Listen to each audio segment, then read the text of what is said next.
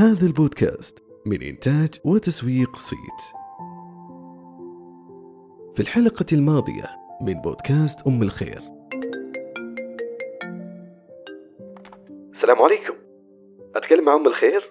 أختي الله يعطيك العافية وصلنا بلاغ ولازم توقفين كل المبيعات حالا ولا في أي طلب يطلع إلى أن تحصلين على التصريح. إيش صاير؟ إيش فيه؟ معقولة التعب اللي تعبته هذه السنين كلها والجهد والمبالغ المالية اللي صرفتها معقولة بتروح في غمضة عين؟ وبنيت وسويت لي غرفة وسويت لأخواتي غرفة وجبت لي أسرة وانبسطت في حياتي. معقولة هذا كله يروح؟ خلاص؟ السلام عليكم ورحمة الله وبركاته. مرحبا بالجميع. معكم ليلى مطلق مهتمة بالعناية الشخصية وكل شيء يساعد في إبراز جمالك الطبيعي. ونكمل قصتنا مع أم الخير مكان ما وقفنا في الحلقة الماضية. راحت هيئة الغذاء والدواء وقالوا لها لازم تتصرح. وفعلا مشت في موضوع التصريح. وفي تسعة تسعة ألف وأربعمية وأربعين. ألو؟ السلام عليكم. أختي أم الخير نحب نبشرك بأنك حصلتي على التصريح من هيئة الغذاء والدواء. وفالك كل الخير والتوفيق. وكانت أول خلطات طبيعية تاخذ تصريح هيئة الغذاء والدواء. وفي 26 تسعة برمضان كلموها وقالوا لها إنه الشكوى فيه فقدمت لهم التصريح اللي صدر من أسبوعين تسعة تسعة والحمد لله رجعت منتجاتها للمحلات للمندوبين. رجع فتح الموقع الإلكتروني. طبعا هي وقفت كل شيء لما جاء البلاغ وقالوا لها وقفي كل حاجة وقفي بيع كل شيء. فعلا توقفت. الحمد لله. أخذت التصريح حق هيئة الغذاء والدواء ورجعت انطلقت من جديد. توسع المشروع بشكل أكبر خصوصا إن كان فيه ثقة أنه مصرحة من هيئة الغذاء والدواء. حتى الآن صارت تقدر تروح للمعلنين المشاهير وتقول لهم منتجاتي مصرحة. أقدر أسوي عندكم إعلان. وفعلا كلمت كم مشهورة وسوت عندهم إعلان. كانت تحرص أشد الحرص إنه اللي يعلن لمنتجاتها يكون مجرب فعلا ولا لا يعلن. ففعلا أخذوا منتجاتها جربوها ناسبتهم أعلنوا لها وبعد كذا صاروا في مشاهير يجوا يشتروا من عندها. من ضمنهم عبودي باد جاء واشترى من عندها عشرة صابونيات. إيش الحلاوة؟ قال لها أنا سمعت عليكم مدح كثير وشفنا تجارب على اللي حولنا والوالدة حابة عشرة صابونيات. حتى في الصوالين وصلت لها. في صالون من الصالونات المشهورة جدا في جدة كلموها وقالوا لها إحنا عندنا أخصائية شعر كانت بتعاني من بعض الموظفات أنه تعطيهم وصفات على أساس تحل مشاكل شعورهم للأسف. ولما سمعنا عن حسابك قلنا نجرب واحدة من البنات ونشوف. وما شاء الله تبارك الله البنت نبت لها شعر جديد لدرجة إن أخصائية الشعر بنفسها جاءت كلمت أم الخير وقالت لها ما شاء الله تبارك الله المنتج اللي عندك فنان. أنا عجزت في صديقاتي إني أسوي لهم خلطات عشان تنبت شعورهم وأنتي ما شاء الله من زيتك نبتت معاهم الشعور. تقولوا هذا وأنا أخصائية. فإحنا حابين إنه في الصالون نشتري منك. وصارت توصل كميات للصالون على أساس يستخدمونه لشعورهم. وما شاء الله تغيرت شعورهم. موجودين الصالون في جدة من أشهر الصوالين بالصبغة. وعندهم أخصائيات شعر مشهورين. طبعا هي منزلة في إنستغرامها صور الصالون وصور اللي أخذوا منها وكلام أخصائية الشعر. كل هذه الشهادات تعطيها دفعة معنوية إنه أيوة أنا أبغى أساعد الناس أيوة أنا أبغى الناس تستفيد أيوة أنا اللي ما عنده قدرة مادية أنا أعطيه بالمجان. بس إنه يصور لي قبل وبعد. فكانت تساعد الناس. الناس اللي يجوها ويقولوا لها إحنا وضعنا المادي ما نقدر كانت تخفض لهم السعر تحاول قدر الإمكان إنه تساعد هذا وتساعد هذا على أساس تبغى الكل يكون واثق من نفسه واثق من جماله. ما عنده مشاكل بالشعر ما عنده مشاكل بالبشرة. الناس كلها مرتاحين بشعور حلوة وببشرة تجنن. طبعا بحكم إنها انتشرت في كثير من المناطق وصلت منطقة الرياض ما شاء الله تبارك الله حتى من آل سعود يأخذون منها الأمراء. لدرجة إن أحد مندوبينها تواصل معاها وقال لها أنا اليوم وصلت لقصر عليه حراسة. فيقول ما شاء الله تبارك الله عليك سمعتك وصلت إلى هذا المكان. في هذه الأثناء جوها اسم معروف جدا في السوق اللي عندهم مشاريع تجارية كبيرة جدا في السوق وعرضوا عليها تبيعهم مشروعها قالوا لها إحنا حابين مشروعك مرة وحابين نجاحك ونبغى نشتريه منك لمدة عشر سنوات. هنا هي انصدمت. يا الله هذا أشهر اسم. في السوق معروف بمشاريعه التجارية جايني أنا عشان ياخذ مشروعي و... يعني لهالدرجة أنا وصلت من النجاح؟ يعني يا رب لك الحمد. معقولة أنا واصلة إلين هذول الناس؟ إلين هذا الاسم؟ فكان هذا الشيء بالنسبة لها طيرها من السعادة. إنه واو أنا إلين هنا؟ مين؟ مين الاسم هذا الكبير اللي جاي عشان ياخذ مشروع ويشوفه شيء واو يبغالي مدة عشر سنوات؟ فكرت في الأمر وقالت لا أنا بديته وأنا أبغى أكون معاهم وأنا أبغى أعطي الخير لكل الناس. بعدها فكرت أنه توسع المشروع تبدأ مع مصانع راحت لمصانع تكلمت معاهم. الصيدلاني والكيميائي في المصانع قالوا لها أنت عندك خلطة ذهبية للشعر. بما أنهم دارسين كيميائيين صيدلانيين عارفين إيش المواد الفعالة المناسبة للشعر قالوا لها أنت عندك التركيبة الذهبية للشعر. حافظي على تركيبتك ولا تقولينها لأحد. وفعلا بدأت بأمور المصنع أنه خلطاتها تكون مصنعية وبإذن الله تنتشر في الصيدليات تنتشر على مستوى المملكة والخليج والعالم. ما شاء الله المشروع أخذ مكانته في المجتمع أخذ مكانته بين الناس أخذ نجاحاته الكبيرة وحقق أكبر من اللي هي كانت تتخيله.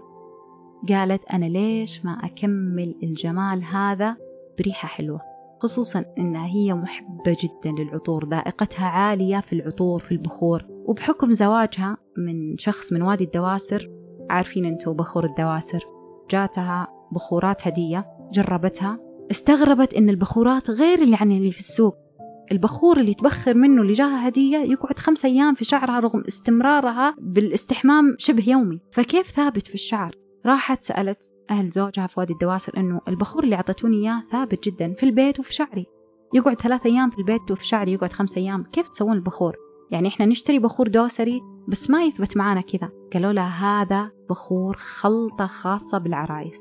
إحنا نسويها تركيبة خاصة فقط بالعرايس تكلف مبالغ مالية كبيرة. طبعا هم عندهم زي العادات والتقاليد أنه العروسة تأخذ 20 إلى 30 ألف من مهرها بس تسوي فيه بخور خاص لها. تركيبة خاصة فيها تكون من أجود أنواع العود من أجود أنواع اللبان من أجود أنواع المستكة من أجود أنواع الزيوت فاخرة ويتفننون طبعا بدرجة العود. كل ما كان العود أصلي وقوي كل ما كان المنتج يعني أحلى وأحلى. وكل ما كانت الزيوت أصلية كان المنتج أحلى. فاللي ينباع في السوق عادة يستخدمون المنتجات التجارية يستخدمون الزيوت يعني مش درجة أولى أو ما تكون خام. آه، يستخدمون العود أقل يعني أحيانا يستخدمون حتى مش عود يستخدمون صندلية. فهي قالت أنا ليش ما أدخل للسوق؟ مو بالموجود في السوق أنا أدخل بشيء للعرايس للطبقة الراقية للفي آي بي وفعلا جابت بخور وسوت كمية وزعتها مجانا مع خلطاتها. تخيلوا كان أي أحد يطلب خلطات تجي بخورة كورة من البخور الدوسري. على أساس قالت أنا أبغى الناس تجرب. إذا الناس جوني كثير وقالوا لي إيوة وحلو وأعجبنا أنا حبدأ مشروع البخور. إذا والله لا ما شفت عليه إقبال خلاص. سوت كمية وزعتها مجاني. الناس مرة أعجبهم. إنه البخور هذا أصلا مو زي البخور اللي في السوق. هذا البخور خاص بالعرايس يستخدم فيه أجود أنواع العود وهي استخدمت عود مرة ممتاز. فقالت مدام عجبهم أنا حسويه بعود أحلى وأحلى. وفعلا جابت عود أقوى وأجمل من الأول وبدأت مشروعها في البخور. سوت حوالي 300 علبة أو 350 علبة تقريبا. جزء منها وزعته مجاني اللي هو حوالي 50 علبة. طبعا وزعته مجاني على عائلتها على أساس يجربون ويقولوا لها رأيهم تكون علبة عندهم. فالكل أثنى عليه الكل قال واو يجنن يثبت. بالأيام ندخل المجلس نلاقي الريحة. آه، أشغل المكيف ألاقي الريحة أشم شعري ألاقي الريحة. فانبسطت مرة أنه في شيء مختلف تماما عن اللي في السوق. سوت هذه الكمية وقالت لها عمتها أم زوجها أنه إحنا أعطيناك الخلطة الخاصة للعرايس ويعني مكلفة جدا جدا جدا. إن شاء الله تجينا السنة الجاية وتسوين مرة ثانية. فهي في نفسها قالت السنة الجاية لا إن شاء الله أنه شهر أو شهرين. وبالفعل ما شاء الله تبارك الله خلال شهر ونص تقريبا نفذت الكمية بالكامل. يعني شيء ناشئ شيء جديد مشروع ناشئ دوب وبدأ. جاء كورونا وما كورونا قفلت الدنيا. رجعت مرة ثانية سوت رغم حملها ورغم أنه الأوضاع في كورونا ما تسمح نروح المصانع على أساس التعليب لأنها قالت أبغى خلاص أغير استيكرات حقت علب البخور وأخليها مصنعية. وبالفعل أطلقت مشروعها الثاني جنة للبخور والعطور في بخور دوسري في عطور في مرشات جنة في آي بي فعلا شيء للطبقة الراقية. شيء للناس اللي تحب الثبات الاختلاف التميز. وصار عندها مشروعين الخير وجنة للبخور والعطور. وفي الختام زبدة الكلام. ما جبنا لكم قصة من أجانب ومشردين والناس على قولتهم مصطلح عام يعني يطقطقوا ويقولوا إنه إيوه أصلا ترك الدراسة وفجأة صار مليونير وعنده شركات ومدري إيش. لا لا لا لا لا. هو مو محض صدفة يعني هو مو فانوس منزل من السماء ويقدم له فلوس. لا هم جدوا واجتهدوا سواء نجحوا في الدراسة أو ما نجحوا. طبعا القصة حية قدامكم من مجتمعكم ما انولدت فما على قولتهم ملعقة من ذهب. حتى الناس اللي انولدوا في عوائل كبيرة ما قال خلاص أنا اعتمدت على أبويا ولا جدي وخلاص ما بشتغل وخلاص بعيش بفلوسهم. لا قاعد يجد ويجتهد ويتعب ويحاول ويكافح. وقل اعملوا فسيرى الله عملكم. ربي أمرنا أن إحنا نعمل ونجد ونجتهد ونحاول مرة واثنين وثلاثة. فهي ما توقفت إنه قالت لا أنا خلاص هذا المشروع ما نجحت فيه هذا المشروع ما نجحت فيه. الأشخاص اللي حولها محبطين أو قالوا لها انت فاشلة انت ما نجحتي في شيء. لا جدت واجتهدت وحاولت. هذا مثال حي عندكم لبنت مش لولد. ففي بنت من وسط عائلة أقل من متوسطة مثال حي قدامكم. نجحت في مشروع بإذن الله يوصل للعالمية. هذا دليل أنه لكل مجتهد نصيب.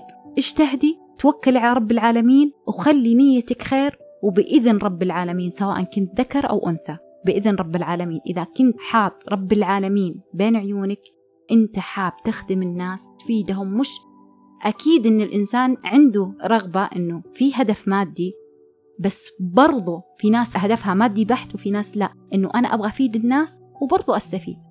يكون عندي هدف مادي وعندي هدف إني أنا أفيد الناس إني أنا أعطي الناس بالخير. ثقي برب العالمين جدي واجتهدي حاولي مرة واثنين وثلاثة وبإذن رب العالمين إنه لكل مجتهد نصيب وكل ما اجتهدتي بإذن الله ربي يعطيكي أعظم وأوفر نصيب وهذه كانت قصة أم الخير اللي بدأت من مكان صغير وبدأ ينتشر الخير في كل مكان. وبس والله هذه كانت قصتي أنا أم الخير ليلى مطلق. حابة أشكر والدتي على دعمها المستمر على وقفاتها معاي وما أقدر أوفيها حقها مهما سويت. أتمنى أنكم استفدتوا من القصة وأعطتكم إلهام أو طاقة إيجابية وأتمنى أنكم تشاركونها مع اللي حولكم خصوصا اللي في سن المراهقة. ترى يحتاجوا أحد يعطيهم دفعة أو طاقة إيجابية. حابة أشوف تعليقاتكم ومتحمسة مرة أني أعرف إيش ردة فعلكم على هذه القصة. راح أحط لكم روابط مواقع التواصل الاجتماعي تحت. كل الشكر لكم. لا تنسون والدي من دعواتكم غفر الله له ورحمه. وحابة أشكر فريق صيت كونهم شركاء للنجاح والتطوير في المرحلة القادمة بإذن الله. كانت معكم ليلى مطلق ونلقاكم بإذن الله في حلقة جديدة من بودكاست. أم الخير على خير.